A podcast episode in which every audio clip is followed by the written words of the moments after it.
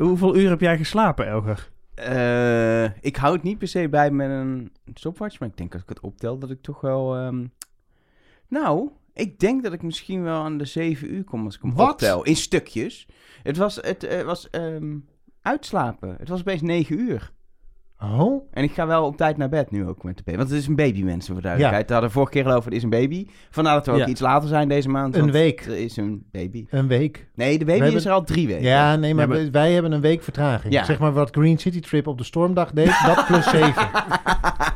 en we hebben meteen, dat is wel echt tof. Eh, een week later wel echt een toffe spoorkast. Want we, hebben, we kunnen het wel eens introduceren voordat we überhaupt begonnen zijn. Want we moeten nog beginnen. We Ja. hebben een gast. Ja, een hele En, eh, eh, intelligente Een gast. gast met een bril. Met een bril en, met een telefoon. En met een telefoon die tinkt. Of En ik, dat- ik deed net iets niet goed met de iPhone en toen... Oh, dat was ik. jij, En jij toen, zei hij, ja. toen zei hij ook meteen, is dit je eerste keer met een iPhone of zo? Toen dacht ik, Sorry, oh, we hebben, sorry. we, we hebben zo iemand hebben we hier. Ja, Hartstikke ja, leuk. ja. Maar we- voordat we naar de gast gaan, want dat is Robert Noordzij van NS. Hebben wij Ja, is een nerd. Heb ik een cadeautje voor jou? Oh, Dat wist jij niet? ik moet de hele podcast nog openen, hè, jongens. Kijk, dit is, Oh. mijn, dit, is wat ik, dit is mijn cadeautje aan jou en aan Nelleke vanwege het feit dat je, jullie een kindje hebben gekregen. Het is een Je bent nog niet langs geweest. eh. Ik ben nog niet langs geweest. Oh, Je mag langskomen, hè, dat weet je. ja. dat weet ik. het kaartje plofte gisteren bij mij. het is een, eh, een slabbertje met de prachtige tekst. Tabby nou voor lekker prakkie. Dat is voor als hij echt gaat eten. Dit is voor als je echt gaat eten. Waarschijnlijk kan je, is het nu een jurk. Ik, was, ik denk dat ik hem Eh, pas. maar- Eh, nou, hij staat je ook echt heel goed. Goed, hè? Ja, Ik hou, hem- ik hou hem gewoon de hele podcast om. van harte gefeliciteerd. Dank je.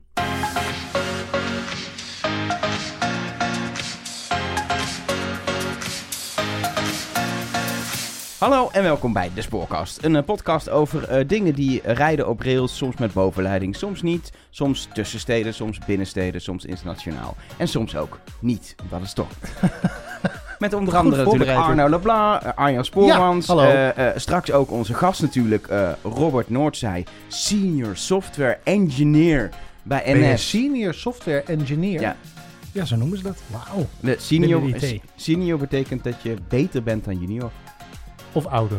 Dat je meer gezien hebt. En meer geld. vaak. En Oh, dus kunnen wij- Ja. Oh, dus we kunnen bij jou eh, suggesties voor de app leggen en zo. Niet de app, maar wel Oh. de reisinformatie die ook onder andere in de app komt. Oh, Ja, Dit want, is een want ingewikkeld verhaal hoor. is, is leuk, Robert is eigenlijk een soort, soort van de man die aan de basis ligt van de, van de verbeterde reisinformatie die je als reiziger overal ervaart. Ja. Dat is eigenlijk het verhaal. En daar gaan we straks over hebben. Super nerdy. We gaan het hebben over eh, of het in Cobalt nog gebouwd is. We gaan het hebben over eh, C++. Cobalt? We gaan Elke het is zich hebben hier al over- weken op aan het verheugen. Ja, we gaan het hebben over private classes in Java. Het wordt echt, het wordt superleuk. Ik heb er Oh, echt zin een in. soort podcast over media, maar dan over het spoor. Precies. Ja. Ehm, maar eerst, zoals altijd, eh, de actueeltjes. Eh, want Arno, jij hebt eh, veiligheidsnieuws.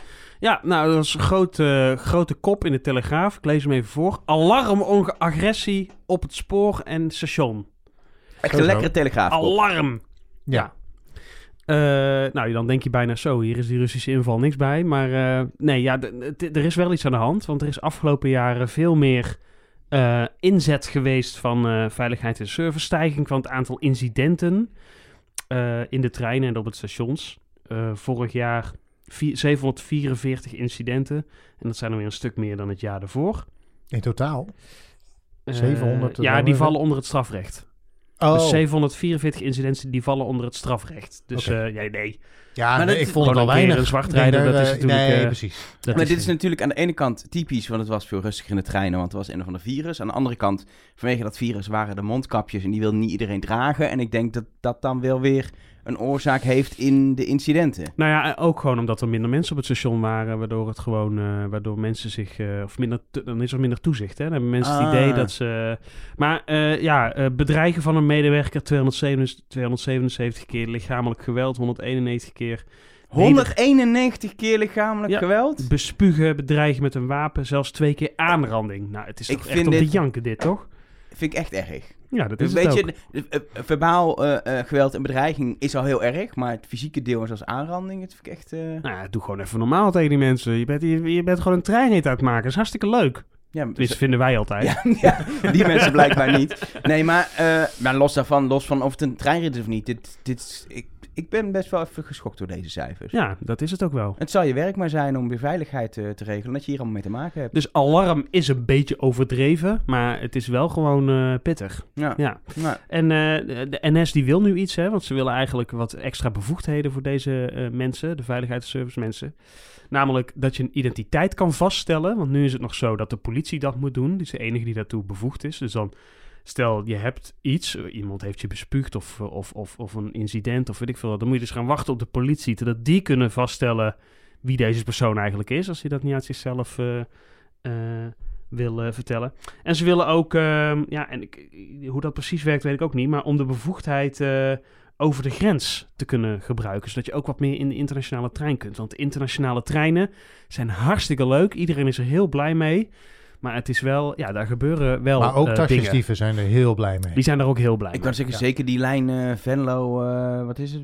Eh, eh, Moment Dortmund? waar wij toen richting... eh, ja, maar voor mij, ik, ik heb, ik weet Wuppertal welke. zijn geweest. Ja, maar Dortmund kan dat? Nee, wat ligt daar eh, Die vanaf moet nog komen, geloof ik, Venlo Aken?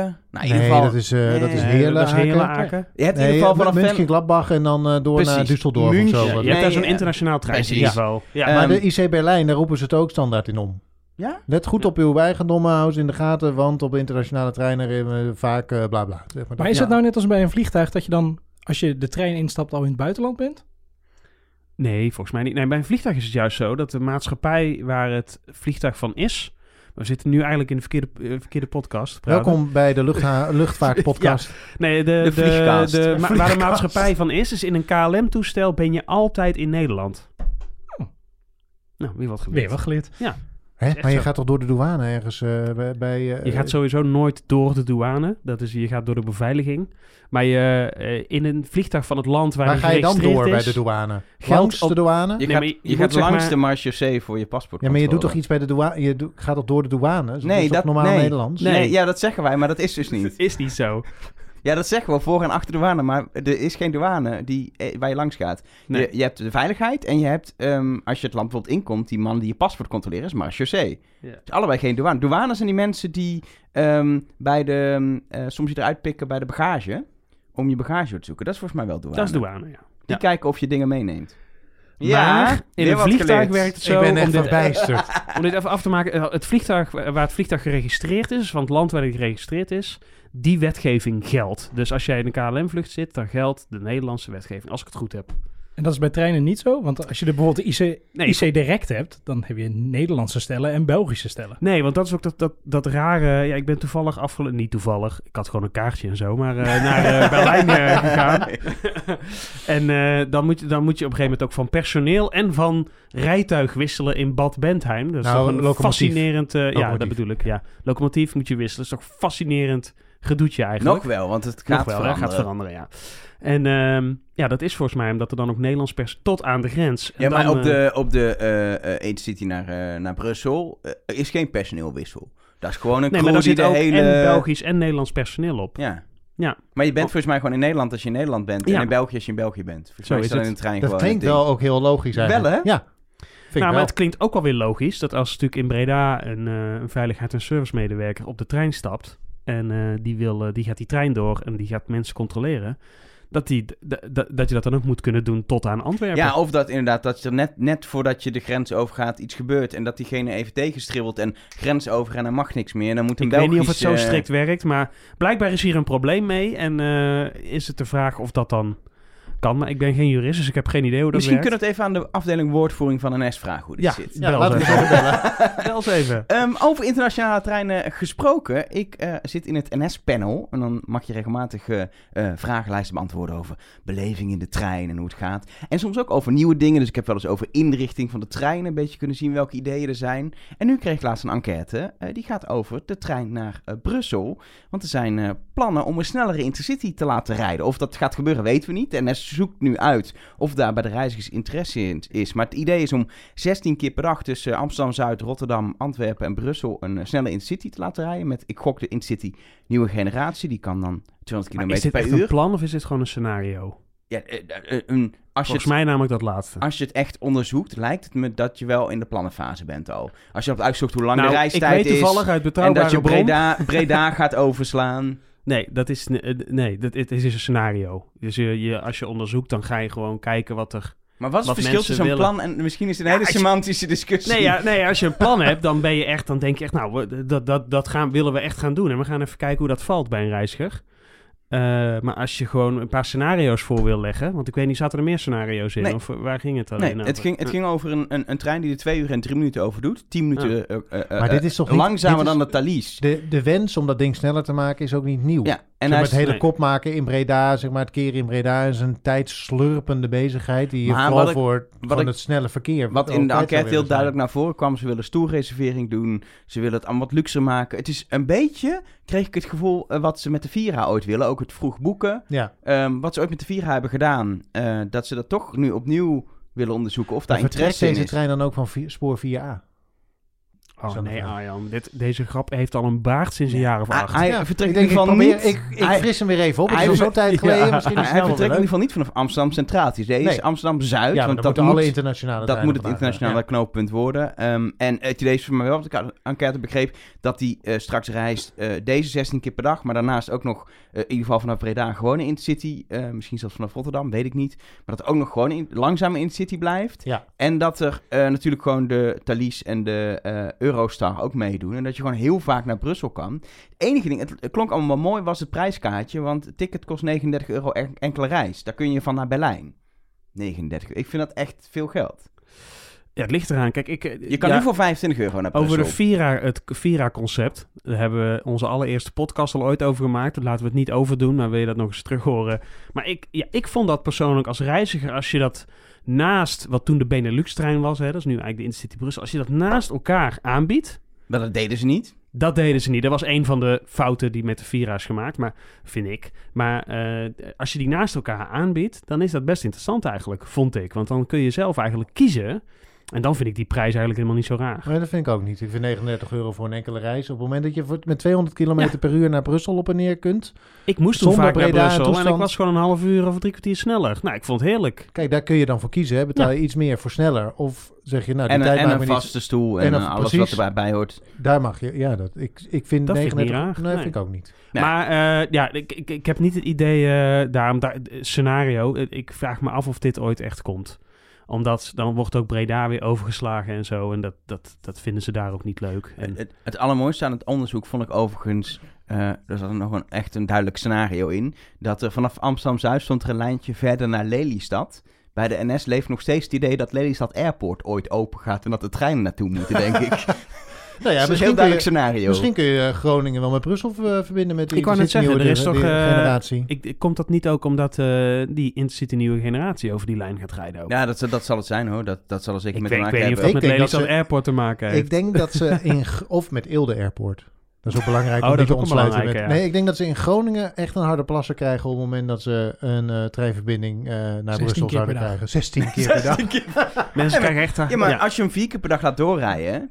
dat is al een hele mooie service, denk Zeker. ik, voor de reiziger. Ja hoor. Ja. En dan moet alleen Groningen-Stockholm doen... en dan eh, kun, je gewoon, eh, kun je gewoon van Ja, Brussel en nog naar even een spoorbrugje bij Leer. Ja, Even detail. opnieuw aanleggen. Ja, precies. Duitsers. Ja. Nou, voor je het weet waait het weer kapot, hè? Is ook zo. Want daarover gesproken, eh, we hadden natuurlijk hashtag de storm.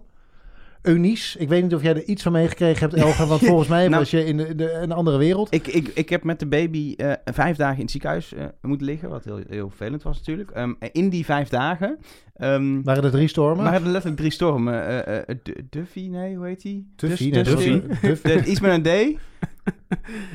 Iets met een E. Tua- Tuan. Nee, Iets met een D. Eu- U wel. Eunice was het. Ja, nee, maar daarvoor Ja, was nog daarvoor was een D. het Duncan. Duncan, nee. Serieus? Nee, geen idee. Ik weet het niet. Dustin, weet ik Dus- veel. Goed, er stormen. Ja. Eunice en Franklin. Allemaal. en ja. eh, in het ziekenhuis waar we lagen in Tiel. Don't ask me why ik in Tiel was. ik En welke naam het is het geworden voor het kind? Want ja, Eh, dan kies je toch zo'n storm, toch? Of niet? het baby heet Travis, voor de duidelijkheid. We moeten nog wat Ehm, stormen door. Maar de dak, van het, ziek- Travis. de, de dak van het ziekenhuis in Tiel is eraf gewaaid terwijl we daar lagen. Niet waar wij lagen letterlijk, maar een ander deel van het Hou ziekenhuis. eens op. Ja. En ik ben met de trein op een gegeven moment nog naar Tiel geweest omdat ik thuis spullen moest ophalen. Ben je ook gestopt op het station Tiel Passawaai? Nee, ja, daar ben ik ook we gestopt. meteen even een, eh, een, eh, een stationsreportage om kunnen. Passenwaai Ja, dus, met zo'n storm. Mooi. Uitgehaaid. Ah, In ieder geval, de nou ja, storm. in ieder geval, wat we, het was een soort eh, stukje spoorweggeschiedenis, want we hebben nog nooit eerder op de dag landelijk of besloten landelijk van tevoren aan te kondigen dat we geen maar dit vind ik treinen meer interessant, want wie besluit dat? Ehm, dat is een samenspel tussen ProRail en de vervoerders. Nu, eh, op dit, moment, dit, dit specifieke geval heeft uiteindelijk ProRail gezegd... we gaan het spoor dichtgooien. Tot een... eh, Want dat komt eigenlijk omdat we drie, eh, drie, vier jaar geleden, 2018, toen is dat niet gebeurd. Hè? Toen hebben ze gewoon gezegd, we rijden gewoon door. En toen moest op een gegeven moment ergens in de loop van de ochtend eh, Ja. alles eruit. Want toen bleken er toch inderdaad twintig bomen er- overal en ergens op het spoor Ja. te liggen. En dan is het op een gegeven moment... eh, heb je er niet meer het vertrouwen dat op het moment dat je een trein van een station wegstuurt... dat hij het eerstvolgende station ook gaat bereiken. En als dat onzeker wordt, dan eh, moet je het natuurlijk is- gewoon eh, het is zorgen dat je het is überhaupt natuurlijk- niet meer start. Het was, dit was niet een normale storm. Het was echt gevaarlijk. Ja. Er had een boom op een trein kunnen vallen. Ja. Ehm, daar hadden mensen ergens kunnen stranden waar je ze gewoon niet makkelijk meer weg kan halen, omdat het te hard waait. Voilà. Eh, het was eh, echt een veiligheidsrisico. Gewoon Ja, niet alleen een precies. praktisch risico van nee, nee. het rijdt niet, maar d- er hadden gewoon ongeluk kunnen gebeuren. Klopt. En dan, eh, dan eh, dus er is nu besloten om gecontroleerd een dag van tevoren aan te kondigen. Na twee uur rijden er geen treinen meer. En dat is, eh, dat hebben we, dat, dat is in de spoorwereld gewoon echt nog nooit gebeurd. Dus het is een, eh, een, een moment in de geschiedenis uiteindelijk. Maar Waarin wel je, verstandig. Maar wel verstandig. Eh, hoewel Want eh, het- uiteindelijk lagen er ook iets van 90 bomen op het spoor Het of is zo, toch? ongelooflijk eigenlijk. Want de pro- woordvoerders van ProRail hebben wel kaartjes getweet... waar- met een overzicht van waar allemaal incidenten waren. het beruchte Ehm, spoorweb. En als je dan ziet dat 24 uur later eigenlijk op alle plekken dat allemaal is opgelost. Ik heb dat wel als een soort klein wonder. Nou, dat gezien, vond ik ook. In is- één weekend hoe dat is gegaan, joh. Echt binnen no time was het ook weer weg. Ik Ja. denk, dit gaat eh, gewoon een week duren voordat dit allemaal weg is. En de grap is, is dat op het moment dat je geen treinen meer rijdt, je ook niet weet hoe het spoor erbij ligt. Dus het, nee, feit, dat nee, je, precies. het feit dat je treinen rijdt in een storm zorgt er in ieder geval voor dat je kunt zien waar een boom over het spoor heen lazert. Maar ja, op ja, maar moment misschien ook te laat. Nou ja, precies. Dus je, dat wil je natuurlijk voorkomen. Maar wat ik bedoel te zeggen is, dat op het moment dat je die ogen niet meer hebt, dat betekent dus dat je ieder stukje spoor van tevoren gaan moet gaan inspecteren en gaan bereiden, schouwen zoals dat heet, om te kijken of een eh, traject eh, beschikbaar is om eh, het überhaupt treinen overheen te laten rijden. Dus je, je ziet vaak pas wat er kapot is op het moment dat je dat het niet meer waait en dat je denkt, oké, nou dan gaan we treinen zonder reizigers natuurlijk in zo'n geval Ja. ehm, over het spoor heen rijden om te kijken of, het, eh, of eh, alles nog intact is. Ehm, dus dat is gebeurd. Daarna de inventarisatie. Je hebt maar zoveel monteurs die dingen kunnen herstellen. Dus die moeten worden ingedeeld. En dan moet je, nou ja, dat, dat hele circus wat daar achteraan komt voordat je weer een dienstregeling kunt opstarten. Ook op een maar hoe bepalen manier. ze dan waar je... wa- Waar begin je dan? Precies. Waar begin je in Nee, maar godsnaam? ik, ik ken de spoorsector een beetje. hier ligt vast, hier is vast over nagedacht, over hoe dit gaat. Nou ja, je weet, je, kijk, je weet dat je van tevoren moet schouwen. En daarna weet je waar dingen kapot zijn. Soms weet Nee, maar je dat waar, al. waar doe je het als eerst? Ik weet het echt niet hoor, daarom vraag Nee, ik ik het ook jou. niet. Oh, jij ook niet? Nee, nou, het is- nou ja, het is- Weet het jij is- het? Ik, ik heb iets meegekregen dat Oh. bijvoorbeeld eh, de, de Green City Trip, die zou willen gaan rijden. Ja. Die heeft ook gereden uiteindelijk. Die moest nog van het opstelterrein komen om op Breda te kunnen starten.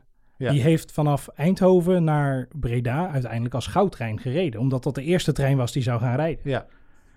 Dus dat Dus soort dingen krijg je dan denk ik. Dat dat gewoon de keuze is van wie wil als eerste gaan rijden. Wie gaat dit proberen. En Ja. dan, Ja, eh, het is natuurlijk een kwestie van, het maakt eigenlijk niet uit welke volgorde. Je moet gewoon Nee. alle stukjes spoor in Ja, Nederland weet- afvinken. Je weet van een aantal dingen dat het kapot is, omdat daar bijvoorbeeld dus geen stroom meer op de bovenleiding staat. Nou, dan weet je dat Dat is een er goede ergens iets- indicatie, precies, ja. dan weet je dat er ergens iets mis Zeeland is. zo, dat? ja, precies. Eh, er zijn heel veel omwonenden die foto's maken en ehm, eh, doorsturen, ofwel via Twitter, ofwel eh, er is zo'n publiekscontactafdeling bij ProRail, waarbij omwonenden zich kunnen melden op het moment dat er onregelmatigheden zijn. Dus, veel van dat soort dingen kun je dan al inkleuren. Ehm, en dan blijven er een aantal trajecten over eh, waarvan je dat niet weet. En daarin ga je Maar waar uiteindelijk... begin je met opruimen? Dat bedoel ik. Ja, dat is, dat is toch continu prioriteiten stellen. Ja, maar wat is dan een prioriteit? De nou ja, ik kan me voorstellen dat als je eh, Amsterdam-Utrecht eh, eh, in de benen wil hebben... en je moet kiezen tussen dat of Middelburg-Vlissingen... dat Amsterdam-Utrecht in Ja, dus je gaat gewoon op, eerder op, gaat. op Worden ze weer achtergesteld in de regio's. Is Ja, altijd, maar dat hè? heeft ook te maken met eh, waar. Kijk, als er al aan een plek gewerkt wordt, hè, dus er is al, er, er wordt al een boom om, eh, in stukken gezaagd ergens, dan haal je die ploeg ook niet meer weg op het moment dat je ergens anders eh, tegen iets aanloopt. Dus je, het is eigenlijk de hele tijd kijken, wat hebben we nog nodig? Hoeveel tijd nemen we? Zaterdag is er natuurlijk eigenlijk besloten om een heel deel van de dag nog niet te rijden, omdat het, omdat het op te veel plekken nog niet kon en gevaarlijk was. Ook denk ik, wie is waar? Want als je zeg maar eh, op, het, op het traject, ik noem wat, eh, Amsterdam-Eindhoven, op drie plekken iets hebt, dan begin je in het noorden en dan ga je naar het zuiden. Dan ga je niet eerst het meest noordelijke punt doen, dan naar het zuiden rijden en dan weer terug naar het midden. Dat is onhandig. Tegelijkertijd zit je met contractgebieden, dus niet de, overal Oh, zijn, ja, zijn er verschillende ja. aannemers aan het werk. Eh, maar de eerste was volgens mij Limburg. Nee, eh, ja. Alles onder Eindhoven, behalve tussen Sittard en Maastricht. Maar wel, eh, dus Eindhoven, Heerlen, Eindhoven, Venlo. Dat reed als eerste weer. zaterdag om vijf uur ongeveer. Ja. Ja. Ja. Dus dan Maar dat is had ook- dus Limburg had toch prioriteit ja, maar dat had volgens mij te maken met dat de storm daar niet zo huisgehouden heeft als in eh, kan het noorden van het ja, land. maar daar, de- ja, dat, ja, dat is de eerste Intercity-verbinding. Zit daar Maastricht heeft nog een hele tijd niet gereden, omdat daar veel stuk was. Eh, daar reed bijvoorbeeld Arriva ook alweer relatief eh, snel. Eh, ook op de diesellijnen in eh, Noord-Nederland en het oosten reed, eh, reed Arriva. eh, zeg maar die andere voerders Ja, maar dan die heb je geen bovenleiding die kapot kan. Pre- precies, dus daar is het, eh, zeker bij dieseltrajecten is dat natuurlijk een stuk eenvoudiger. Ehm, Sowieso toch, de regiovervoerders hebben kortere afstanden. Dus die hebben minder... wij- De NS die rijdt van echt letterlijk het ene uiteinde van het land naar het andere uiteinde ja, van het maar land. Ja. Of zo. Ja. ja, ja, nee, dat zijn, eh, dat zijn Ja, hele maar je kan, lastige natuurlijk, je kan natuurlijk wel ehm eh Roosendaal Zwolle eh, tot Den Bosch doen. En Roosendaal Den Bosch weer terug. Jawel, maar dat is dan wel weer logistiek een hoop gezeik. Dan zit je met personeel, met Ja. materieel, wat nog allemaal Ja, van A Maar dan kan de bijsturing regelen, Nou ja, dit- zo, is het uiteindelijk, zo is uiteindelijk die opstart volgens mij wel verlopen. Dat je als je op een gegeven moment besluit je, oké, deze, deze trajecten zijn vrij. Dat welke eh, treinverbindingen zijn dan over deze trajecten het belangrijkst? Eh, en zo kon je bijvoorbeeld al wel vrij snel de verbinding Groningen-Rotterdam. Dat was een van de eerste verbindingen die eh, in zijn geheel gewoon gemaakt kon worden. Omdat het hele, dat, dat deel van het traject gewoon eh, volledig vrij was. Eh, maar goed, het heeft uiteindelijk zondagochtend, toen zondagochtend op twee trajecten nog maar geen treinen reden, was ik wel. En toen keek ik nog een keer naar, naar, die, naar, die, naar die plattegrondjes waar ik eerder over vertelde in zo'n tweet. Dat je denkt, daar liggen daar ligt gewoon op, op 100 plekken in Nederland is er, is, zijn er dingen kapot. Eh, liggen de bomen, de bovenleiding beschadigd, de hele rimram. En dat dan een, op zondagochtend nog maar op twee plekken dat overblijft.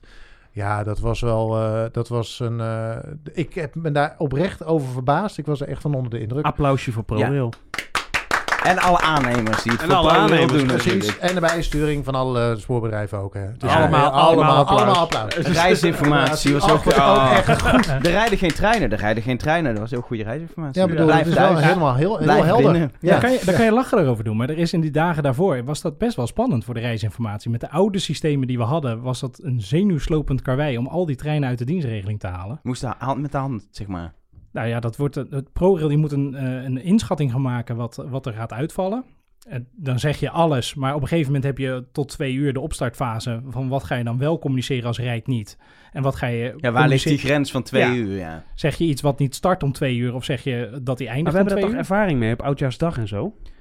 Ja, maar dat wordt allemaal van tevoren al gepland. Dat Dat, zit in de jaardienstregeling. zit gewoon in de dienstregeling al. Ja, ja, ja. Dus we moeten dat, dat, dat, dat rijdt niet. Dat krijgen we dan in één keer als update binnen van ProRail. En daar, was, daar waren mensen heel zenuwachtig over of dat de systemen die druk aankonden. En ook je moet de omroep bedenken. Eh, je wil niet op, eh, op, op Tiel passen waar je zes keer per uur om gaan roepen dat er die trein niet gaat rijden. Want normaal gesproken roepen we iedere niet rijdende trein wordt omgeroepen op het station. Dus dat Nou, op Tiel Passenwaai valt het nog mee. Maar als je dit op Rotterdam Op Utrecht of Centraal- Utrecht Centraal gaat doen... Ja, is dat is non-stop stroom. Dus ook een storm bij de reisinformatie hoor ik wel. Ja. Ja, voor je Nou. dat weet, eh, tetter je 46 keer per uur ehm, iedere trein om die niet rijdt. Waarvan je al had aangekondigd dat Maar het is allemaal goed gegaan uiteindelijk in ieder geval. Uiteindelijk is dat allemaal goed gedaan. We gaan het zo meteen nog veel uitgebreider hebben over reisinformatie. Maar eerst eh, gaan we op pad. Ja, want dit is wel weer een, eh, een hoogtepuntje. Vorig jaar zijn we natuurlijk naar... Dit eh, is ook een soort actueeltje eigenlijk. Ja, hè? eigenlijk wel. Ja. Want vorig jaar zijn we afgereisd naar eh, Limburg. Naar een van de beste snacksbars van, van Nederland. Oh, en er was toevallig ook een station. frikandellen, frikandellen. Ehm, eh, dat was... eh, eh, ik weet het niet station, meer. eh, Frikandel, station Frikandel Speciaal. Nee, Klimmeranstaal. Dat klinkt ongeveer Oh ja, hetzelfde. Het mooie Ehm, was juist dat ze niet alleen frikandel speciaal hadden, maar ook... Nee. Nou, ja, nou ja. Ehm, dat was eh, het best gewaardeerde station eh, van eh, Nederland volgens de reizigers. Hoogst gewaardeerd. En ook dit jaar is er weer zo'n hele stationbelevingsmonitor eh, gedaan. En eh, is er een best gewaardeerde station van Nederland. En het is niet in Limburg. Nee, ja, want dit station deed niet mee afgelopen jaar. waren te weinig mensen. die- Er waren te, ze te weinig mensen om onderzoek te doen. Dus gaan Dus we... ja, we hadden een andere nummer 1. We gaan eh, naar Noord-Holland. We gaan richting, bijna richting het strand. Dit Net was de niet. nummer 1. Nou heren, welkom op het meest gewaardeerde station van Nederland. Ik denk, dit is... Een gemeenschappelijk station is Rotterdam Centraal, Utrecht Centraal. Dus dit zei je ook toen we naar Klimmerandsdal gingen voor je. Ja, ik, ik, ik snap die... Waar is de Die-? Nee, maar e- even ik snap niet zo goed dat, dat hele kleine stoptreinstationnetjes het meest gewaardeerde station van Nederland worden. Want er is hier niks behalve een perron, eh, eh, eh, iets om op trein te stoppen, een bankje, een, een spoorwegovergangetje en een oud Nou, stationsgebouwtje. en heel eerlijk, ik, ik, de, de- het is nog oud stationsmeubilair. Het is, het is, daarachter een zie ik nog allemaal oude gebouwtjes met, ja, het is niet... Het is ja. een beetje alsof mensen dit vergeten zijn, maar ik denk dat de les is. Wat is de les die we hieruit kunnen halen? Hè? Dat- Dat... is dat op het moment dat je Wie het kleine niet eert, is het grote niet weert. zoiets, dat is één denk ik. En twee is, je hebt hier waarschijnlijk allerlei gemakken. Dus de loopafstanden zijn kort, je kunt makkelijk je fiets kwijt, je hebt een restaurantje, je staat hier enigszins beschutten, het ligt in het groen, je hebt eh taluut met planten en bomen, je hebt een ander taluut met planten en bomen. Dus alleen al het feit dat je hier op de trein kunt stappen, vinden mensen waarschijnlijk al heel wat. Dus, je, die, dus, dus dit, vorm, dit, dit komt tegemoet aan basisbehoeften Nou, het hangt er ook een beetje vanaf wanneer ze dit onderzoek gedaan hebben. Want ik denk dat als je hier in de zomer komt, en wij staan er nu natuurlijk, het is koud en eh, het is een beetje ja, grijs. Maar als je hier in de zomer komt, wat hier namelijk met dit station is, het is een beginpunt van heel veel looproutes. Dus het is vaak een positief. En mensen komen hier om eh, lekker eh, te wandelen of te doen. Het ligt inderdaad in het groen, een beetje zo in een... Er liggen allemaal teluts omheen. En je hebt Eh, een heel lekker restaurantje. En je hebt een restaurantje, een oud stationsgebouwtje. Dus ik denk dat dit er in de zomer toch heel anders uitziet. Maar het grote verschil met Klimmerandsdaal vind ik dan wel weer. Dat, was echt een, dat viel me echt op een aangeharkt station. Helemaal, Ja. helemaal mooi vernieuwd Ja. en zo. Nee, dit En is dit, gewoon een eh, beetje, een beetje eh, tja, nog een beetje vergaande glorie. Maar Ja. kennelijk hoeft dat dus, je hoeft dus niet aangeharkt te zijn. Je hoeft niet hypermodern te zijn om Het mensen het idee, zijn. ja, om mensen het idee te geven, ha, wat, een, wat eh, fijn te verblijven is dit. Elger, wil je ook nog iets zeggen? Nou ja, eh, wat, me, wat me wel opvalt is dat restaurantje, niet per se alleen het restaurantje, maar dat historische toch wel mooie stationsgebouw. Dat is wel, Uit 1881, hè? nou ja, maar dat- ik vind wel, dat geeft wel altijd een bepaalde feeling en, en, en, en toch wel ja, gevoel van hier reden vroeger stoomtreinen en nu kun je nog steeds vanaf hier naar Zandvoort. Dat is natuurlijk ook lekker hè? als je Ja, hier bent, dan wil je of Je naar de niet- grote stad of naar Zandvoort. Je allebei een mooie bestemming. naar Zandvoort, hè, hier. Dat, drie dagen afgelopen jaar kon dat niet. Want toen was er een Formule 1 evenement in Zandvoort en reden hier al die treinen gewoon aan voorbij. Overveen wordt gewoon overgeslagen. Ja. Overveen Over, gesla- overveen gesla- Ja, er zit een grap ergens. Ergens zit de grap, daar komen we op terug in de studio, denk ik. Eh, maar ja, nee, eh, eh, los van die drie dagen. Het is wel, als je hier bent, dan ga je waarschijnlijk naar iets leuks. Je Ja, werk in wandelen. Amsterdam of Haarlem. Nou ja, het is dus ook een studentenhalte, want er zitten hier allemaal eh, hogescholen omheen. Dus, je, dus voor veel mensen is het toch ook een soort van moedje. Want nou ja, de les wordt hier nou eenmaal gegeven in eh, administratie of zo. Of koken. Of Iets in Je hebt je Holland. goed iets in Hollands. En dan, eh, dan kom je hier dus, ja, dan kom je hier aan. Kom Oh, je maar aan. nou, zie ik, nou, nou begin ik al wel een beetje in te zien waarom dit leuk is. Kijk, want je loopt hier het perron af. Eigenlijk gewoon naar de ingang. En dan loop je eigenlijk meteen tegen een heel leuk... eh, ja, het is een tea room. Het oude stationsgebouwtje. Ja, daar hadden we het net over inderdaad. Het, Daar eh, loop je het meteen gebouw. tegenaan.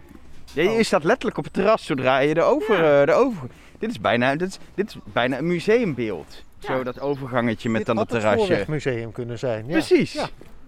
Dus dat snap ik dan wel weer. Met heel groot bord, let op trein. Dan moet je wel even opletten dat als de slagboompjes naar beneden zijn, de spoorboompjes, dat je niet oversteekt. En inderdaad, je kan wel je fiets ernaast zetten. Je bent zeg maar van je fiets op slot zetten naar inchecken is 30 seconden denk ik. Ja, dat is wel een is groot voordeel. Heel praktisch. Het is knijterpraktisch ingericht. En ik vind het er ook heel eh, idyllisch uitzien. Pittoresk is denk ik. Pittoresk nou, is denk ik het woord wat Met we de hier... eh, nodige kastje.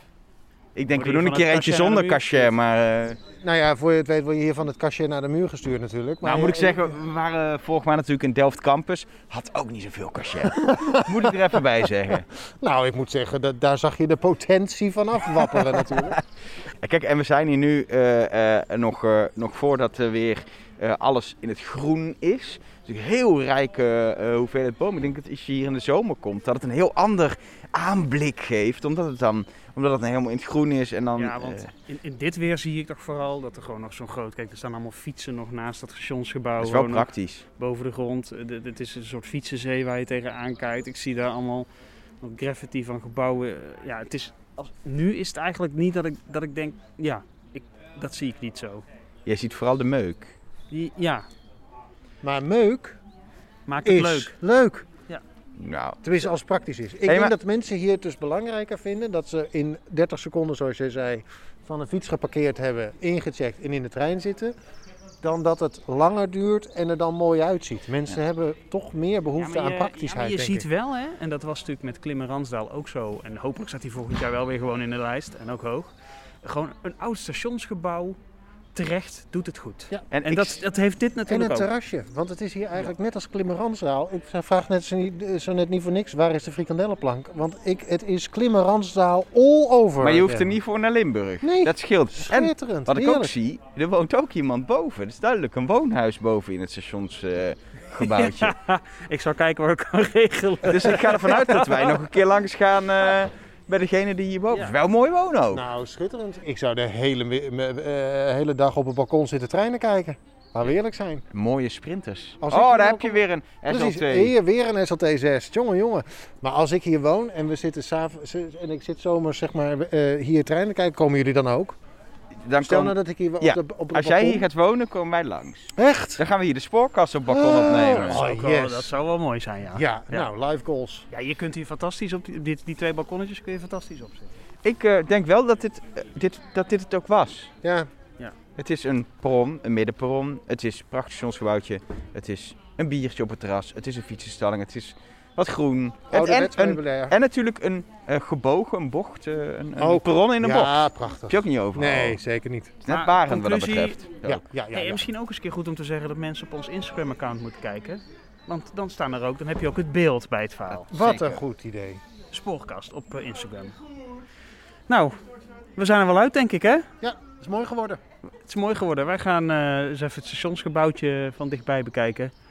En jullie gaan terug naar de studio. Ik wil volgende maand, jongens, wil ik wel weer naar een groot station met allure, weet je wel. Niet Iets dat internationaals dit, of dit, zo? had ook, dit had ook allure hoor, maar ik bedoel eh, dat er Nou, meer- er was weinig allure. dat, dat Er restaurantje was kort- leuk. Ja, maar En was die- het allure? En er is er een trap. Jongens, we gaan het niet overdoen nog een Nee. keer, toch? Ja, dat is nee, waar. nee, Overveen was het. ja. Ehm, We gaan het niet, niet nog een keer overdoen in Overveen. nee, Ja. ehm, maar volgende maand iets internationaals lijkt me leuk. Ja, nou kun je hier naar Overveen eh, met een leuke station. Zie wat er dit aan? Ja.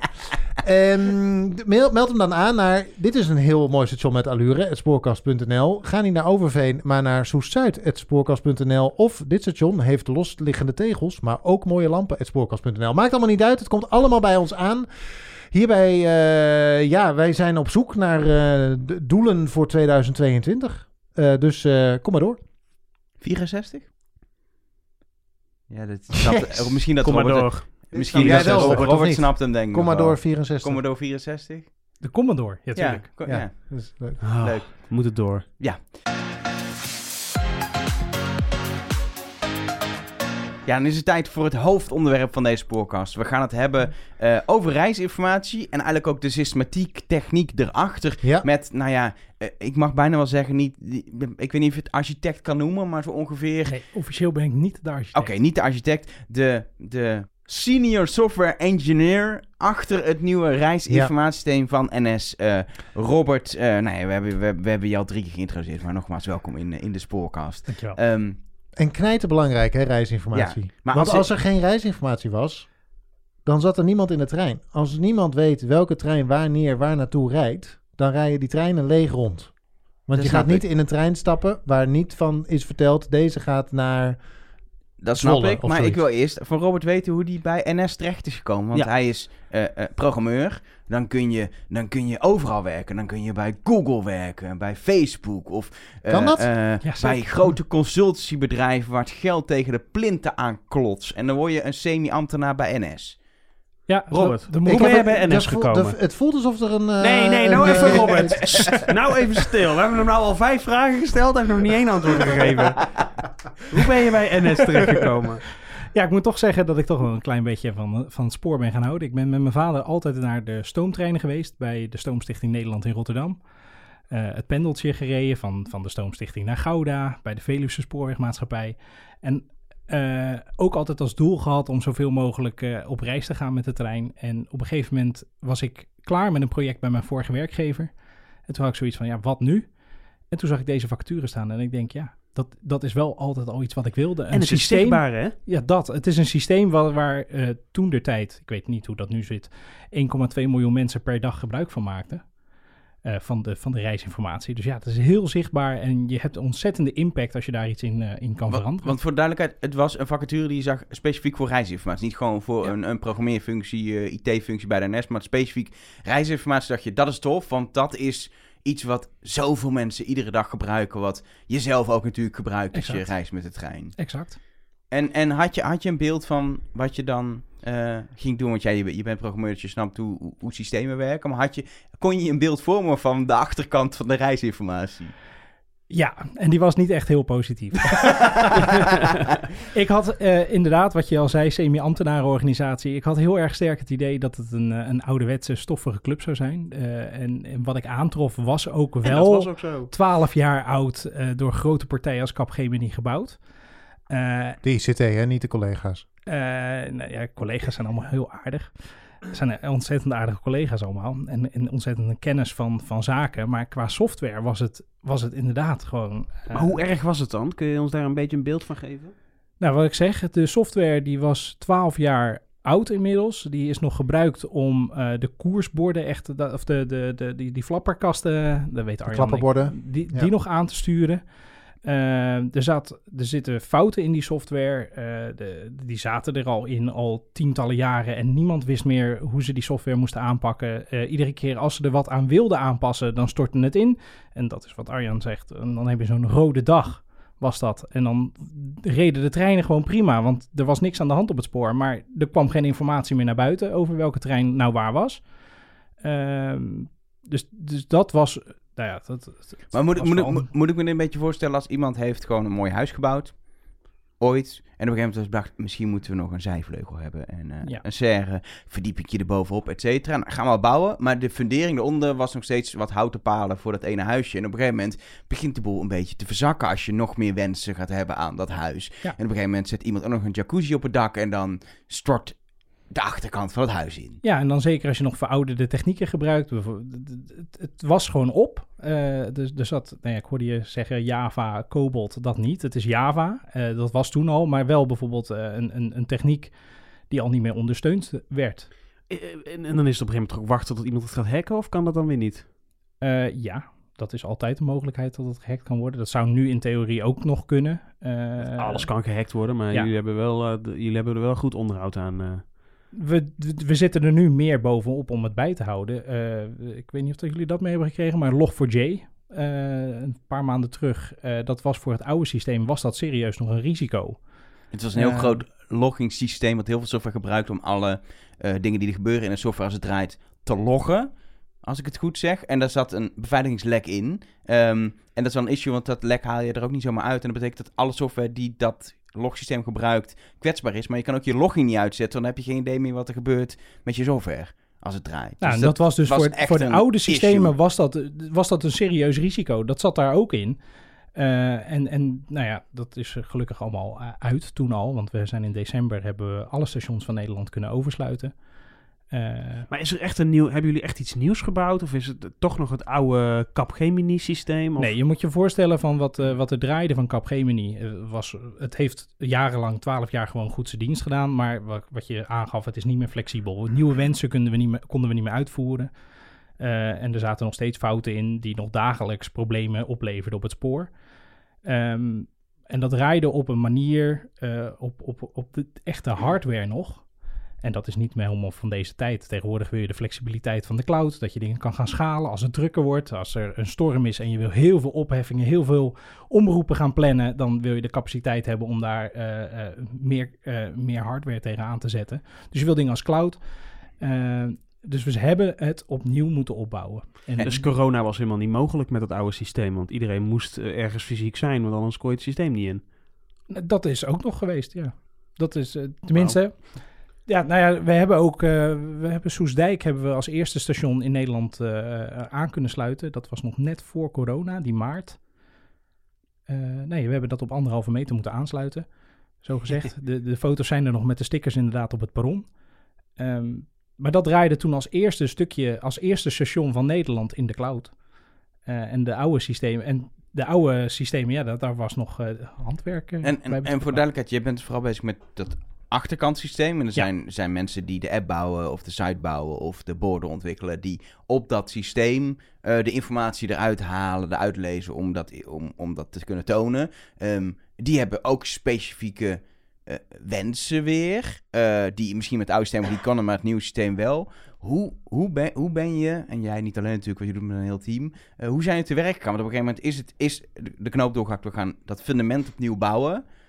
En dan, want dan wordt ook iedereen, denk ik, wakker bij de app. Ja, maar wij willen heel graag dat dit erin zit. En wij willen heel graag op het bord dit kunnen tonen. Arjan, die, eh, die bij de reisinformatie zit te registreren, zegt... Maar als we toch bezig gaan, kunnen we niet ook dit doen... dat, eh, dat maar de helft van mijn werk geauto... 100 fouten Precies. eh, gaan herstellen. Precies, dat mijn werk geautomatiseerd wordt... dat ik gewoon heel erg koffie kan drinken. Ik noem maar even iets. Dus de, de, Doet hij nou toch ook al? er komt, de, je maakt ook iets los. Op het moment dat Ja. je zegt, er zijn eigenlijk geen beperkingen meer, want begin even opnieuw. Dan, dan wordt de lijst lang, denk ik. Ja, zeker. Dat, en dat gebeurde ook wel. Maar we hebben, eh, we hebben een systeem wat al twaalf jaar draaide, waar een bepaald formaat uitkomt, een bepaald product, zoals we dat noemen, wat ook naar alle andere afleveranciers, eh alle, alle, 9.2 is bijvoorbeeld een afnemer, eh, websites als Rijdende Treinen zijn afnemers.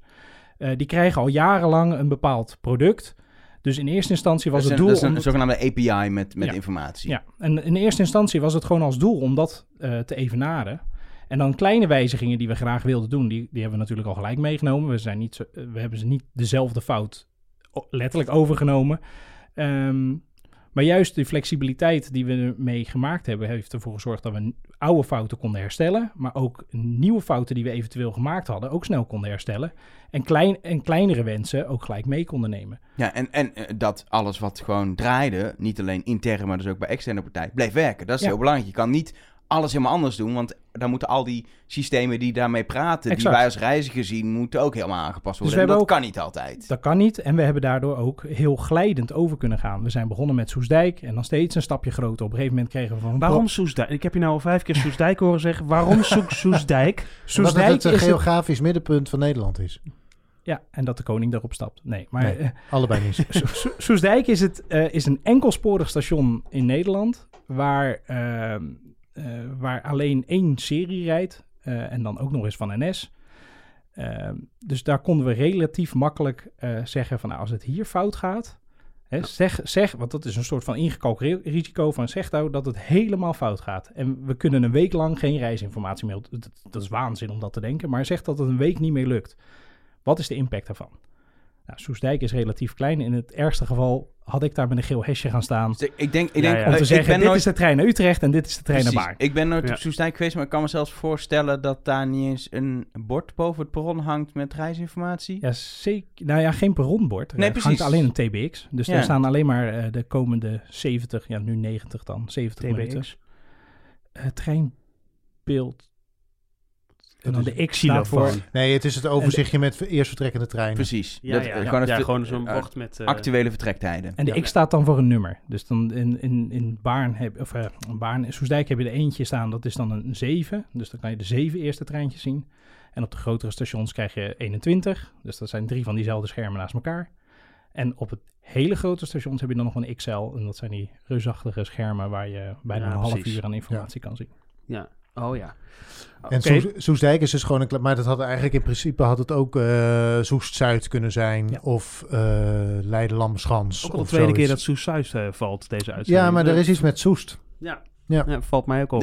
ja. Ehm, maar jullie, jullie zijn het gaan bouwen, je, je hebt het getest, et cetera. Ehm, maar dit is voor het, voor het publiek heel erg zichtbaar geworden. Doordat op een gegeven moment niet alleen in, in Soesdijk, maar op heel veel stations de eh, borden op zijn, opeens zijn veranderd. Dus het voordeel van de digitale schermen die we, die we hebben, daar, kun, daar kan gewoon een ander plaatje op getoond worden. En op een gegeven moment zagen we opeens eh, eh, treinsamenstellingen staan. Hoe de trein eruit zag, wat voor, wat voor coupeetjes bijvoorbeeld je hebt. Dat, dat is mogelijk geworden Ja. door dat systeem wat jij mede hebt gemaakt. Ja, je moet je voor, nou ja, dat kan ik je ook nog wel toelichten. We, je moet je voorstellen, wij krijgen vanuit bronteams, dus die dat ontsluiten van, eh, van de verschillende vervoerders, wat dan de materieelsamenstelling is, krijgen we dat aangeleverd. Eh, en wij moeten dat samenvoegen van, met de ritinformatie vanuit ProRail, met de spoorwijzigingen van ProRail, met metingen van Ah, ja, ProRail. precies. Jullie hebben niet, Wij- het, is niet, de reisinformatie is niet de bron van alles. De reisinformatie brengt heel veel bronnen van we verschillende... voegen het samen, we noemen het ook een soort fabriek. Ja, het is een soort van vertaalmachine. Dus je hebt heel veel logistieke informatie die, die, die beschikbaar is in allerlei hele ingewikkelde nummertjes en cijfertjes en afkortingscombinatietjes. En wat wij eigenlijk, wat, wat, die, wat het reisinformatiesysteem doet, is eigenlijk daar Nederlands van maken. Dus zodat Mina uit Assen begrijpt Of een plaatje. of een plaatje. Dus, de, dus dat Mina uit Assen begrijpt wat we eigenlijk bedoelen met trein 563 eh 2 KL naar 603. Zeg maar, dat. Maar dan, oh, het is de trein naar Groningen die vertrekt van spoor 3 om zo laat. Ah, kijk, dat heb daar- begrijpen gebouwd. wij. Gedeeltelijk, want dan heb je dus het, het, het halffabrikaat, zoals wij dat noemen, de dynamische vertrekstaat. En dat is gewoon openbaar. Bij, eh, bij NDOV kan je dat gewoon, kan iedereen dat afnemen. Die Bij? kan daar zelf, NDOV, Nationaal Databank Openbaar Vervoer. Ah. kijk aan. Ehm, kan je dat gewoon afnemen, maar die sturen wij dus ook letterlijk naar het team wat de borden daadwerkelijk aanstuurt. Dus wij zeggen van, joh, er gaat inderdaad een, op Amsterdam een trein vertrekken, zo laat, dit spoor, die heeft eh, misschien iets vertraging. Eh, dit is de samenstelling van het materieel, dus deze treinstellen met zoveel bakken. Die kunnen daar dan een plaatje van maken en die, die tonen dat dan En, en, uiteindelijk. en op eh, want hetzelfde als nu met die minutenafteller. En dat je dus Ja. ziet... wa- wat kunnen we allemaal nog verwachten in de toekomst?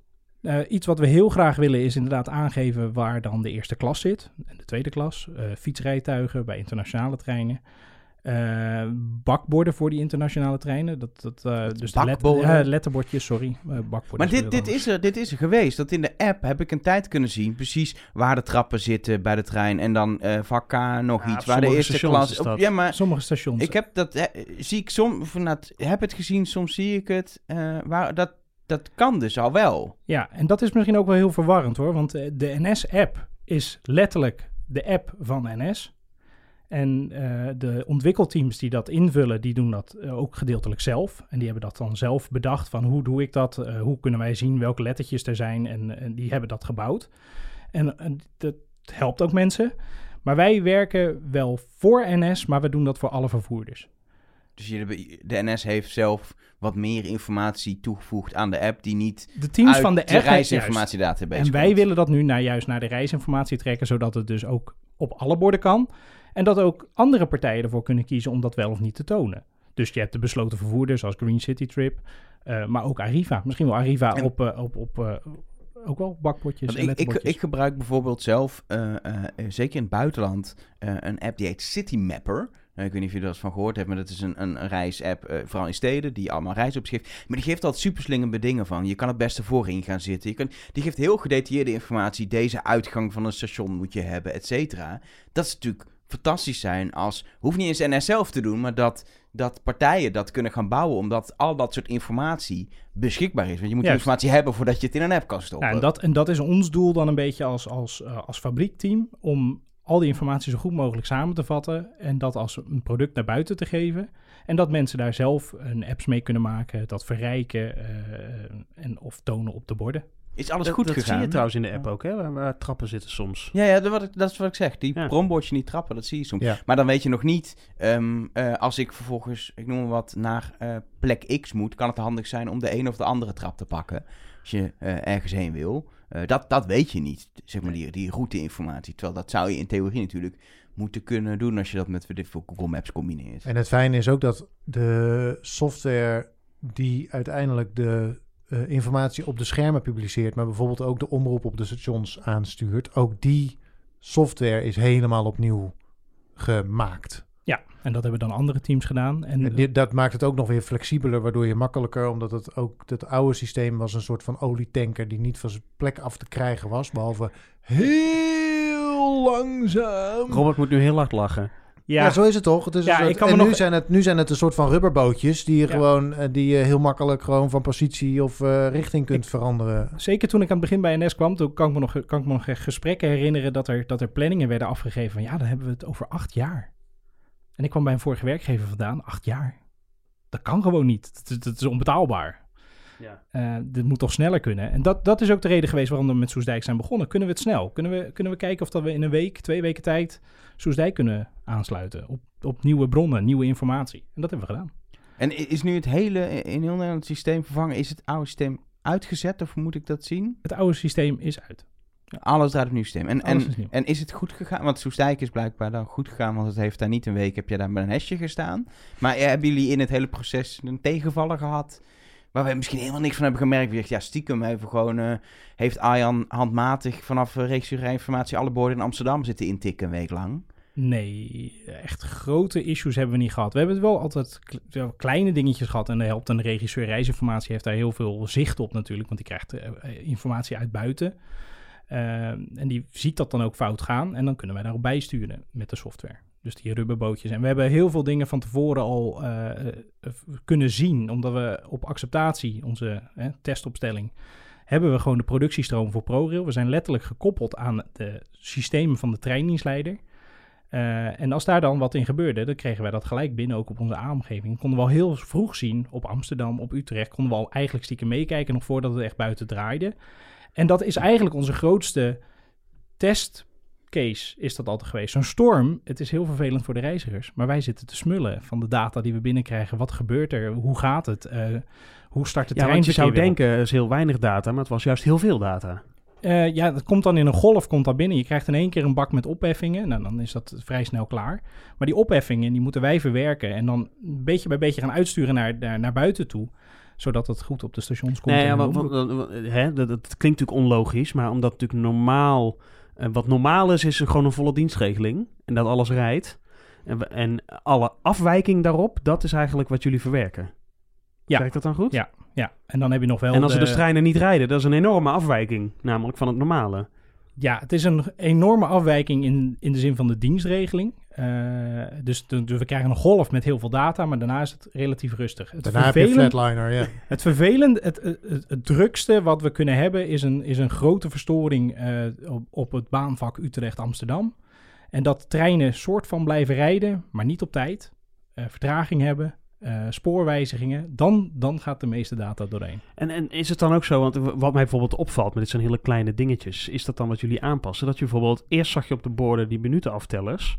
En van minuut, uh, als je nog één minuut had, stond er eigenlijk nul minuten. Want minuut 1 naar 0 was 0. Nee, dat, dat, dat is niet dat is nu kleiner dan 1, dat staat is, er nu. Ja, precies. Maar dat is niet zozeer wat, wat ons team letterlijk doet. Maar wel binnen de reisinformatie is er dan een team die dat uh, met klantpanels buiten...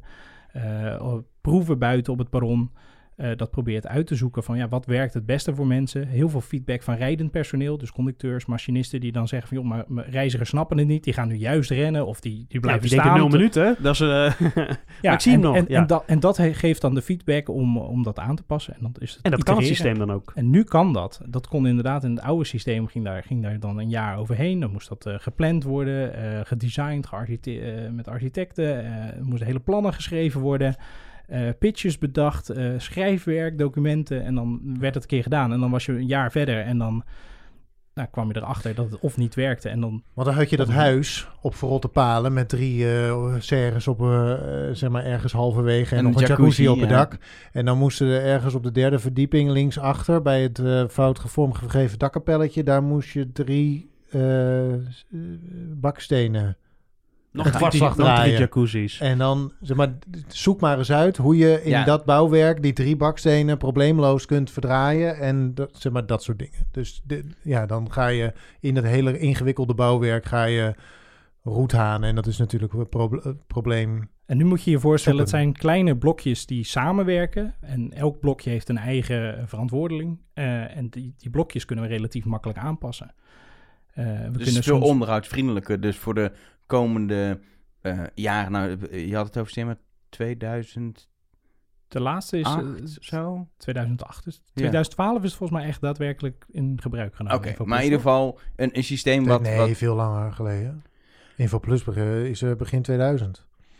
Een systeem nou, wat dan heel lang Toen draait. is het aan de gang gegaan, ja. Ja, een systeem wat heel lang draait, ehm, ehm, waar heel makkelijk eh, lastig was om onderhoud te plegen. Nu een systeem waar je eigenlijk kan zeggen, we kunnen dat continu blijven onderhouden. En we hoeven ook, als alles goed gaat, niet meer zo'n grote vernieuwing vanaf de grond te doen. Dat is Nee, een beetje zo, je- denk ja, ik. Nu kan je steeds die kleine blokjes, als daar vervanging voor nodig is, omdat je denkt van nou, er is een nieuwere techniek op de markt, een nieuwere programmeertaal, een andere manier van programmeren of andere software.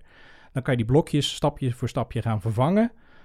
En, en steeds weer toepassen wat op dat moment het beste je Oh, probleem oplost. af, zijn jullie nu klaar dan? Want, eh, maar nee dus, want nu is het Ehm, grote werk misschien wel gedaan. Maar nou, het eh, grote werk is nu gedaan en nu komt de doorontwikkeling en alle verbeteringen die we willen. En hoe gaan we dat dan merken? Want jij zei er straks dat we straks kunnen zien bij de eerste klas zit. Misschien ook wel drukte informatie hè, op de borden. Maar, maar hoe, hoe zie jij, kun je eens een doorkijkje geven van hoe jij denkt dat het er misschien over vijf of tien jaar uitziet? Wat zou je willen? Droom is, eh, vrij over hoe het er dan uit zou moeten zien.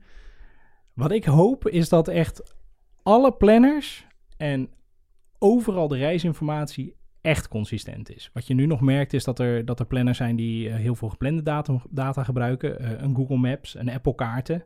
Die maakt bijvoorbeeld nog geen gebruik van onze real-time information. Eh, en wat ik echt hoop Maar is dat is dan toch hun probleem of niet? dat is hun probleem. Maar er zijn nog steeds heel veel reizigers die gebruik maken van, van een Google om hun reis te plannen.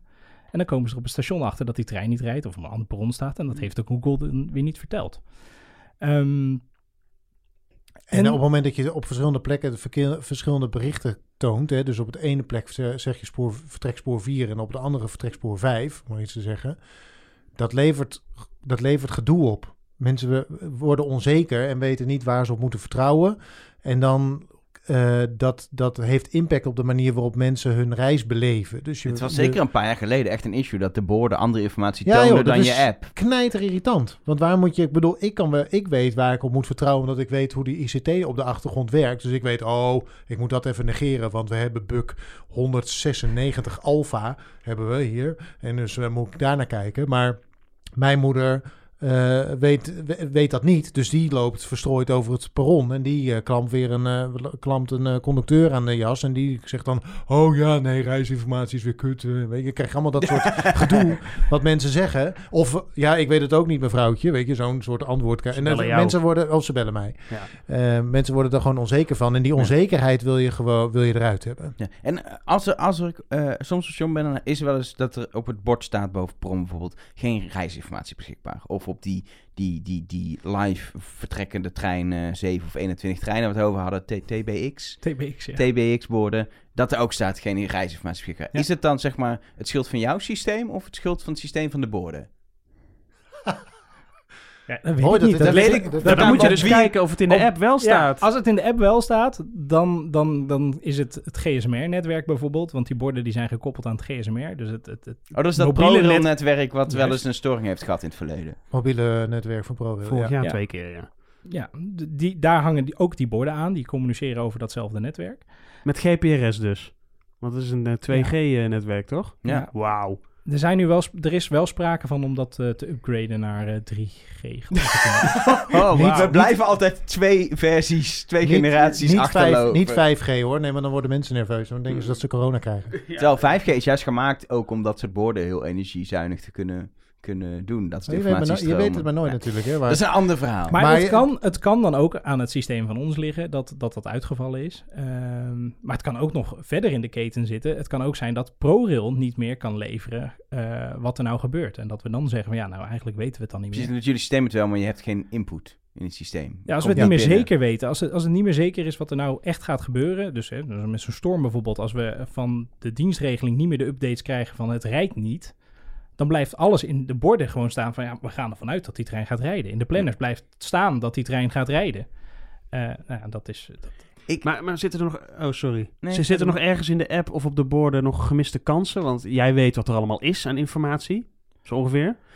Eh, ik moet in de app dat ik soms wel eens denk, oh, kan ik, nou, dit kan ik gewoon ook weten. Maar dan moet je ook maar net weten dat ik dan daarop moet klikken of zo. Of je wil ook weer niet te veel. Of op de Ja, borden. voor, de, voor de borden is dat inderdaad lastig. Ik, ik denk dat, eh, dat we, dat we als, eh, als, als- zeker voor NS dan, en Arriva hebben we het geloof ik, krijgen we die data nog niet in eerste instantie. Maar dat we met druktesturing in ieder geval de spreiding binnen, binnen een trein beter kunnen gaan regelen.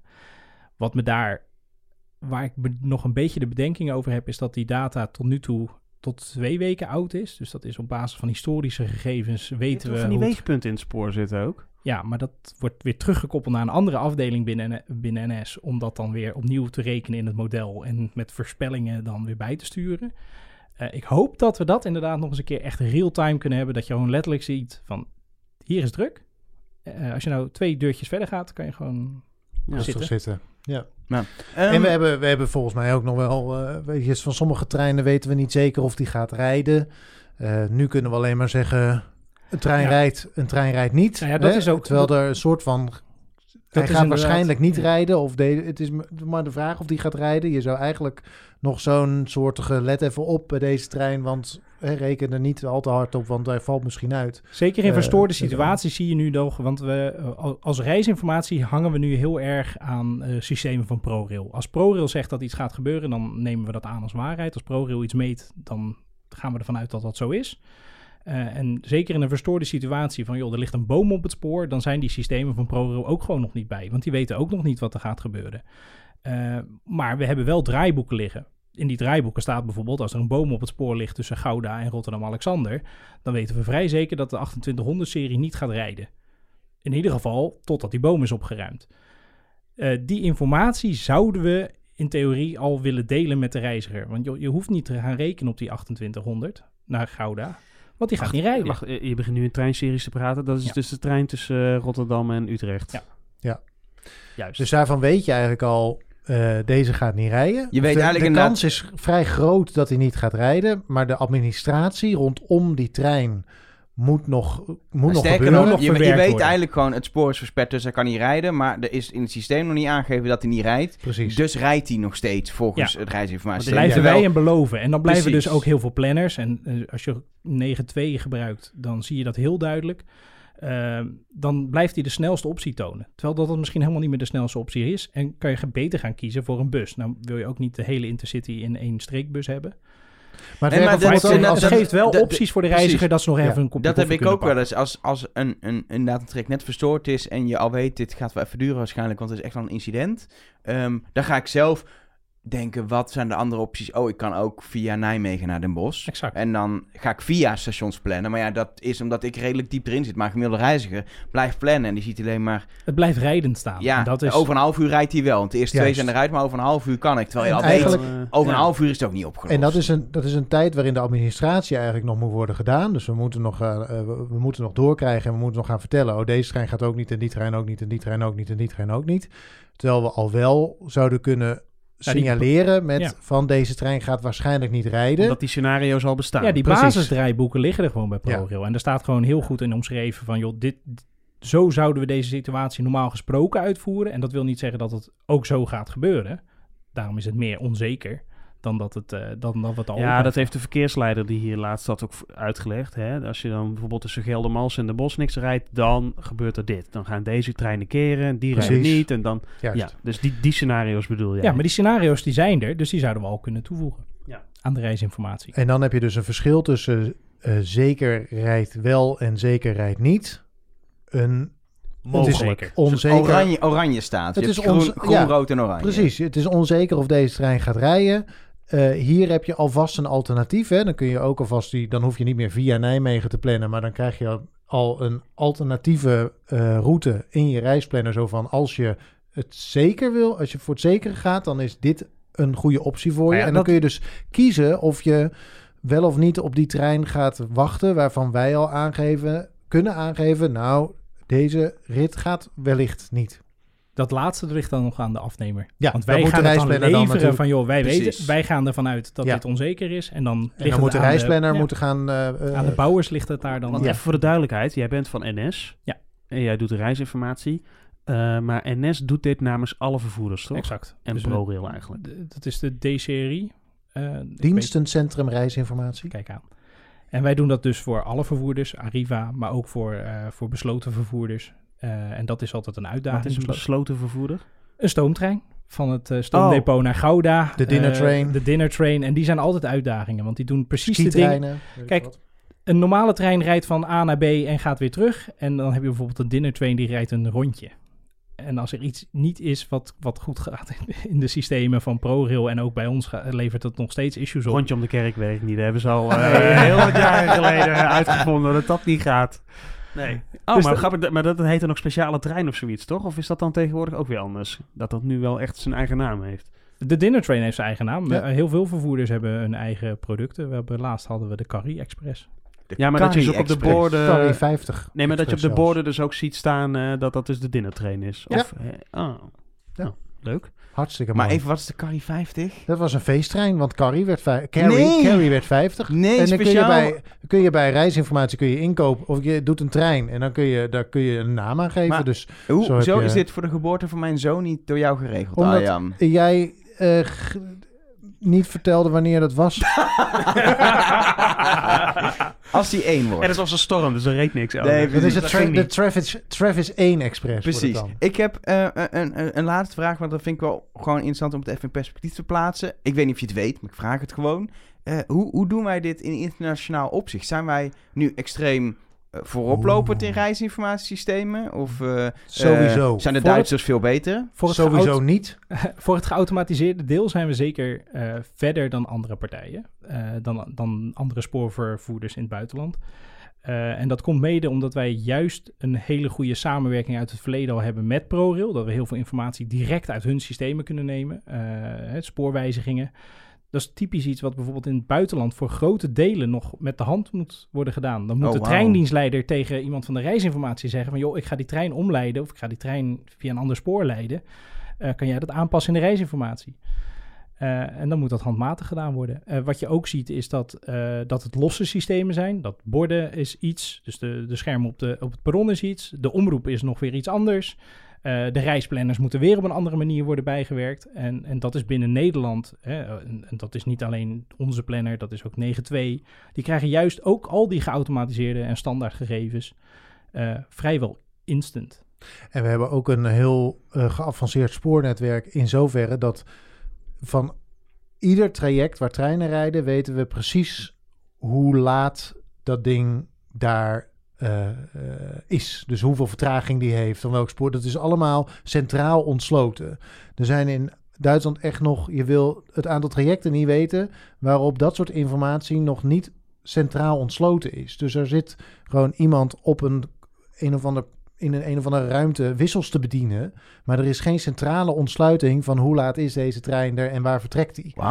Dus je hebt heel veel trajecten waarop geen actuele reisinformatie beschikbaar is. Het is gewoon een spoorboekje wat daar draait. En als er een afwijking is, ja, ja, het is, ja Hoop je dat iemand het Hoop bijwerkt. je dat iemand dat ergens alsnog bijwerkt, maar daar zit dus geen automatische koppeling. Maar dat wij van station Hinderlopen tot aan station eh Eigelshovenmarkt gewoon precies weten of die trein plus één minuut heeft, plus twee minuten heeft en van welk spoor die, nou, welk spoor is standaard op die stations, want het zijn telkens maar één spoor. Maar dat we dat van alle stations, van alle treinen op ieder gewenst ogenblik van de dag weten, daarin zijn we in Nederland al eh, vrij uniek. Dat En- waren we al, maar dat zijn we nu nog meer. Mede dankzij het werk van Robert Noordzij. Ja, mooi. Ja, mooi hè? Ik denk, het ik probeer even Ja, naar, een naar een Ja, punt te gaan. Eh, Robert, eh, eh, we gaan je uit, aan het eind van de podcast ook nog bedanken. Maar super interessant om dit verhaal eh, te horen. Ik denk ook zeker de nerds die niet alleen spoornerds zijn, maar ook een beetje in de IT-nerderij zitten. Elke zeker. Helemaal eh, blij zijn geworden van de afgelopen half uur. En we zoeken nog steeds collega's. Dus als je het leuk vindt om met reisinformatie te werken. Hey. Werken bij ns.nl? Inderdaad. En tot slot, eh, naast eh, Robert, die natuurlijk spoormedewerker is... en vind ik eigenlijk ook wel een soort spoormedewerker van de maand... hebben we ook nog de normale spoormedewerker van de maand... die ook echt veel op het spoor te vinden is. En dat is Bas Zelen. Eh, jij bent VNS'er, zoals ze dat in eh, vaktermen noemen. En toen dacht ik, dat is veiligheid en security. Maar dat is een beetje dubbelop. Dus het is niet de S van security. Nee, dat klopt. De, dus eh, de S van service. Ah, veiligheid in service. Veiligheid en Had ik moeten weten. Wist je? Wist ik Ergens ook ook wel. Ergens diep Ergens van binnen. In ieder geval, je bent deze maand de spoormedewerker van de maand. Nou, dankjewel. Verrassend. Gefeliciteerd. Kijk, dat is een verrassing, hè? ja, absoluut. Nee, want eh, Bas, even eh, eh, wat, eh, waar jij veel van weet, waar jij veel bent, is in de regio Gouda. En daar rijdt een, eh, een, een, een, ja, regionaal eh, lijn. Eh, dat is de treindienst Alphen Gouda, in vaktermen ook wel de dag. En ja, sinds deze week eh, moet je daarop eh, reserveren als je met de fiets wil. Dat is een proef. Want eh, ja, Bas, kun jij uitleggen waarom dat, dat zo is? Ehm, ja, ehm, we, op, op het lijntje daar zit geen conducteur. En dat betekent dus dat eigenlijk een beetje de toezichthoudende taken wilden ze eigenlijk bij de machinist neerleggen. Maar ja, dat, dat loopt ook niet helemaal lekker. Die, die moet trein rijden natuurlijk. En daar is uiteindelijk voor gekozen om dan eh, VNS in te huren. En die moeten dan eh, toezicht eh, gaan houden op de kaartjes en op de huisregels uiteraard. En ehm, ja, er is een, ehm, een probleem ontstaan met de fietsen. En met name als er dus geen toezicht op die trein is. En ook in de, in de avonduren, vooral in het weekend, is dat, dat de trein helemaal volgepropt worden met, ja, met fietsen. Dus eh, ik heb beelden gezien waarin uit, eh, uit in één tweetje eh, twintig fietsen komen. Ja, dat, ja, dat, dat kan niet. Dat, eh, Dat is een soort fietsrijtuig Maar geworden. zijn het, zijn het, zijn het, Ja. zijn het zeg maar wielrenfietsen? Zijn het mensen die de natuur ingaan om, om rondjes te fietsen? Of zijn het mensen die Nee. gewoon een stadfiets meenemen? Nee, dat zijn de mensen die, eh, die ehm, eh, op stap gaan en dan zeg maar, eh, heet dat, eh, of hun, hun stapavond beginnen eh, en de, de fiets meenemen om dan in de nachtelijke uren terug te fietsen, of dan wel een, een stapavond al gehad hebben en de fiets eh, alsnog in, de- meenemen in de trein. Wauw. Dus eh, En overdag Ja. zitten er veel scholieren hè, op die lijn. ja, overdag eh, eh, hebben wij ook eh, eh, hoe heet dat, eh, scholieren eh, die veel de fiets meenemen. En met name ook als het eh, slecht weer is, dan eh, is het toch vervelend om eh, naar school te fietsen. En dan eh, gaan ze dus eh, met de fietstrein in. En ja, in de spits moeten ze een fietskaartje hebben. En ja, die hebben ze vaak ook niet. Dus, eh Maar dan dus daar je, controleren wij ook extra op. zul je misschien denken inderdaad van... Hè, maar met de fiets, daar moet je toch wel moet je voor betalen. Nou, maar op deze lijn, buiten de spits, mag je gewoon gratis in principe je fiets meenemen. Hè? Dat is juist eh, een van de bijzonderheden van deze... Dat staat, dat sta- staat specifiek zo in de concessie, zoals dat dan noemt. Dus dat, dat is de voorwaarde waarop eh, daarop die lijn wordt gereden. Dus dan kun je gratis de fiets meenemen. Maar ja, dan krijg je dus dat op een gegeven moment... Wat zijn nou 20 fietsen in een tweetje, zei je? Dan bedoel je dus twee treinstellen. Daar komen dan. 20 fietsen uit. Nee, twee wagons Nee. denk ik zelfs. Twee ja, wagons. Ja, ja, inderdaad. Eén tweetje, dat bedoelen we. Één staat voor een treinstel. En tweetje is het treinstel bestaat uit twee bakken of twee coupés. En ja, daar mogen officieel drie fietsen in mee. Zo. En dan zitten ze in Twitter. Is het niet te- Mijn ouders hadden er vroeger voor op de trekhaken achter de auto gewoon van die fietsrekken. Dan kon je gewoon. eh, is het niet handig om eh, dat eh, achter zo'n eh, aan zo'n trein te hangen? Dit is, Ja, een- goed. dit is serieus, Ja. maar dit is serieus een goed idee. In, in Amerika hebben de bussen dit, hè? Die Ja. hebben de Ja. bussen op de bumper zo'n fietsrek. En dan kunnen gewoon drie, vier fietsen op Gewoon op een bus. klikken, hoppa, het fietsje erop gaan. Precies. Dat kan aan beide kanten van de trein, lijkt me. Ja, dan moet je Ja. als machinist door, eh, door het stuur van, eh, van eh, Tante Toos uit Waddinxveen Nou, Noord meer kijken. Of- koplopers, dan zitten ze hoger. Daar kan Koplopers erop, klaar. opgelost. Wij lossen het wel op. Nou, geweldig. Maar, goed, maar, maar mensen moeten dus nu een reservering hebben voor de fiets, zodat er eh, die maximum van, van drie fietsen dan in zo'n, in zo'n treinstel eh, mee kan. Daarna is het vol. Ehm, maar moet ik me maar voorstellen dat jij dan als VNS'er op het perron staat en dan iedereen gaat vragen die met een fiets aankomt, mag ik je reservering zien? Of hoe, hoe, hoe Ja. gaat het in de praktijk? Nou, de praktijk is het eh, ten eerste, ehm, ja goed, ehm, dit werkt alleen als er daadwerkelijk ook op gecontroleerd wordt. Want ja, als, je kunt heel veel dingen wel invoeren, maar als er niet op gecontroleerd wordt, dan hebben die mensen op een gegeven moment ook zoiets van, ja, appa. Ehm, er wordt toch niet gecontroleerd, maar op het moment als er op gecontroleerd wordt, je hebt geen reservering, ehm, ja goed, dan is het voor ons wat makkelijker om eh, eh, te zeggen, hey, je hebt niet gereserveerd, dus je mag met die trein niet mee. Kijk, als er eh, als er drie mensen met die trein meegaan, de eerste drie die kunnen, die kunnen mee. Maar nu gaat het erom, degene die gereserveerd is, voor ons is het dus ook wat makkelijker om mensen uit de trein te zetten. Want dan zeggen we, je hebt niet gereserveerd. En degenen die wel gereserveerd hebben, die kunnen, dus, die kunnen we wel toelaten in die trein. Maar dat is wel op zich een voordeel voor die mensen. Die kunnen dan nog altijd gaan fietsen. In plaats van met de trein. Want ze hebben de fiets al bij Ja, zich. zeker. Ja, Dat je moet ja. lopen. Ja, ja, ik zeg ook altijd dan, eh, ja, nou ja, op die fiets dan maar. Ja, ja, precies. Ja, dus, maar eh, eh, even voor, voor mijn beeld, want, want ik, ken, ik ken de VNS natuurlijk dat ze ook regelmatig door, door treinen lopen om te controleren op bepaalde lijnen. Maar jij zegt ook, je werkt op een lijn waar geen conducteur is. Ga je dan gewoon soms random mee op de trein om een controle te doen? Of, of doe je juist heel veel op het, op het perron, zoals nu met die fietsen? Hoe, hoe, hoe ziet jouw werk eruit? Los van de fietsen. Ehm, nou goed, wij doen zowel op, eh, op het station als op, op het baanvak, zoals we dat noemen, doen wij controle uitvoeren. We kunnen, op het stations kunnen wij bijvoorbeeld een in-slash eh, uitgangscontrole houden. Nou, dat kunnen we op het station Gouden doen, maar dat kunnen we ook op Boskop doen of op Waddingveen. Ehm Alphen wordt wat lastiger, maar dat heeft te maken met de, met de stationssituatie. Eh, maar we kunnen ook met de trein meegaan. En dat gebeurt ook. Collega's gaan ook met die trein mee. En dan gaan ze, terwijl die trein rijdt, gaan ze dus mensen naar een vervoerwijs vragen. En wat is dan de stationssituatie in Alphen? Want dat, dat klinkt dan heel spannend. Nou, eh, station Alphen heeft een, een, een, een perron wat gedeeld wordt door Ernet en NS. Oh, dan krijg je dat weer.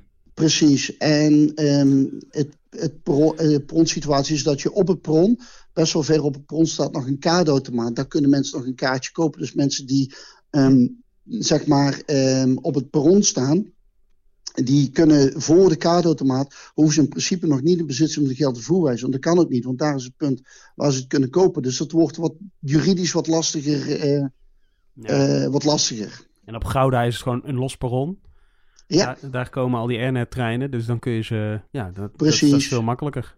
ja. Hey, en- heb, en- je, heb je altijd al VNS'er willen worden eigenlijk? Is het, Ehm, hoe, eh, hoe lang doe je dit? Nou, ik, ik ben in 2001, januari 2003, ben ik eh, bij de Nederlandse Spoorweg begonnen als eh, hoofdconducteur. En ik ben na mijn opleiding ben ik gelijk in het PBT Utrecht gekomen. Proces Bijzondere Taken. Dat is eigenlijk de voorloper van Veiligheid en Service. Dan is dit een betere naam, vind ik. Veiligheid en En- Service. In Ja, plaats van ja. proces bijzondere taken. ja, ja, heel dat, eh. ja. Ja, nou goed, we, weet dat, het, we deden ook eigenlijk eh, bijzondere taken op en rond de, rondom de trein. Eh, we deden extra baan van controle, ingangscontrole, maar ook calamiteiten, busregelingen. waren eigenlijk een beetje de, de, de weet dat, eh, Manusje van alles.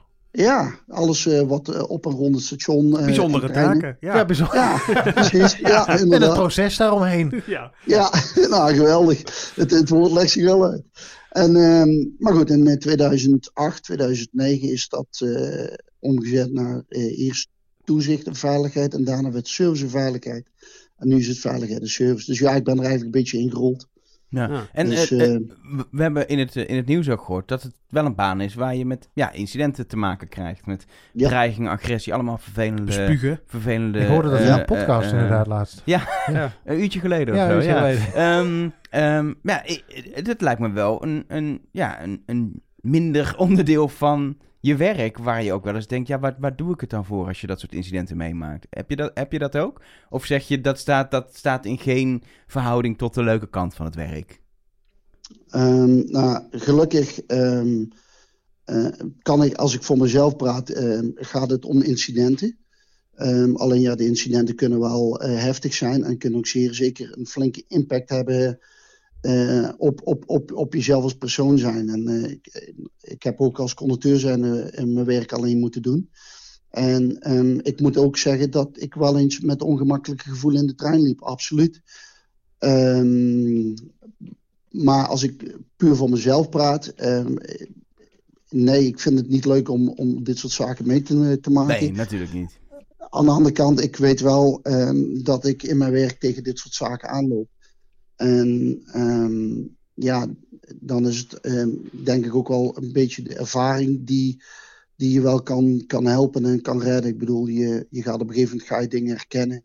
En dan weet je, ehm, misschien moet ik nu een stap eh, naar voren doen of een stap naar achteren doen. Hè? Want soms is dat ook wel een betere keuze om, eh, om, om even te zeggen, eh, even los te laten.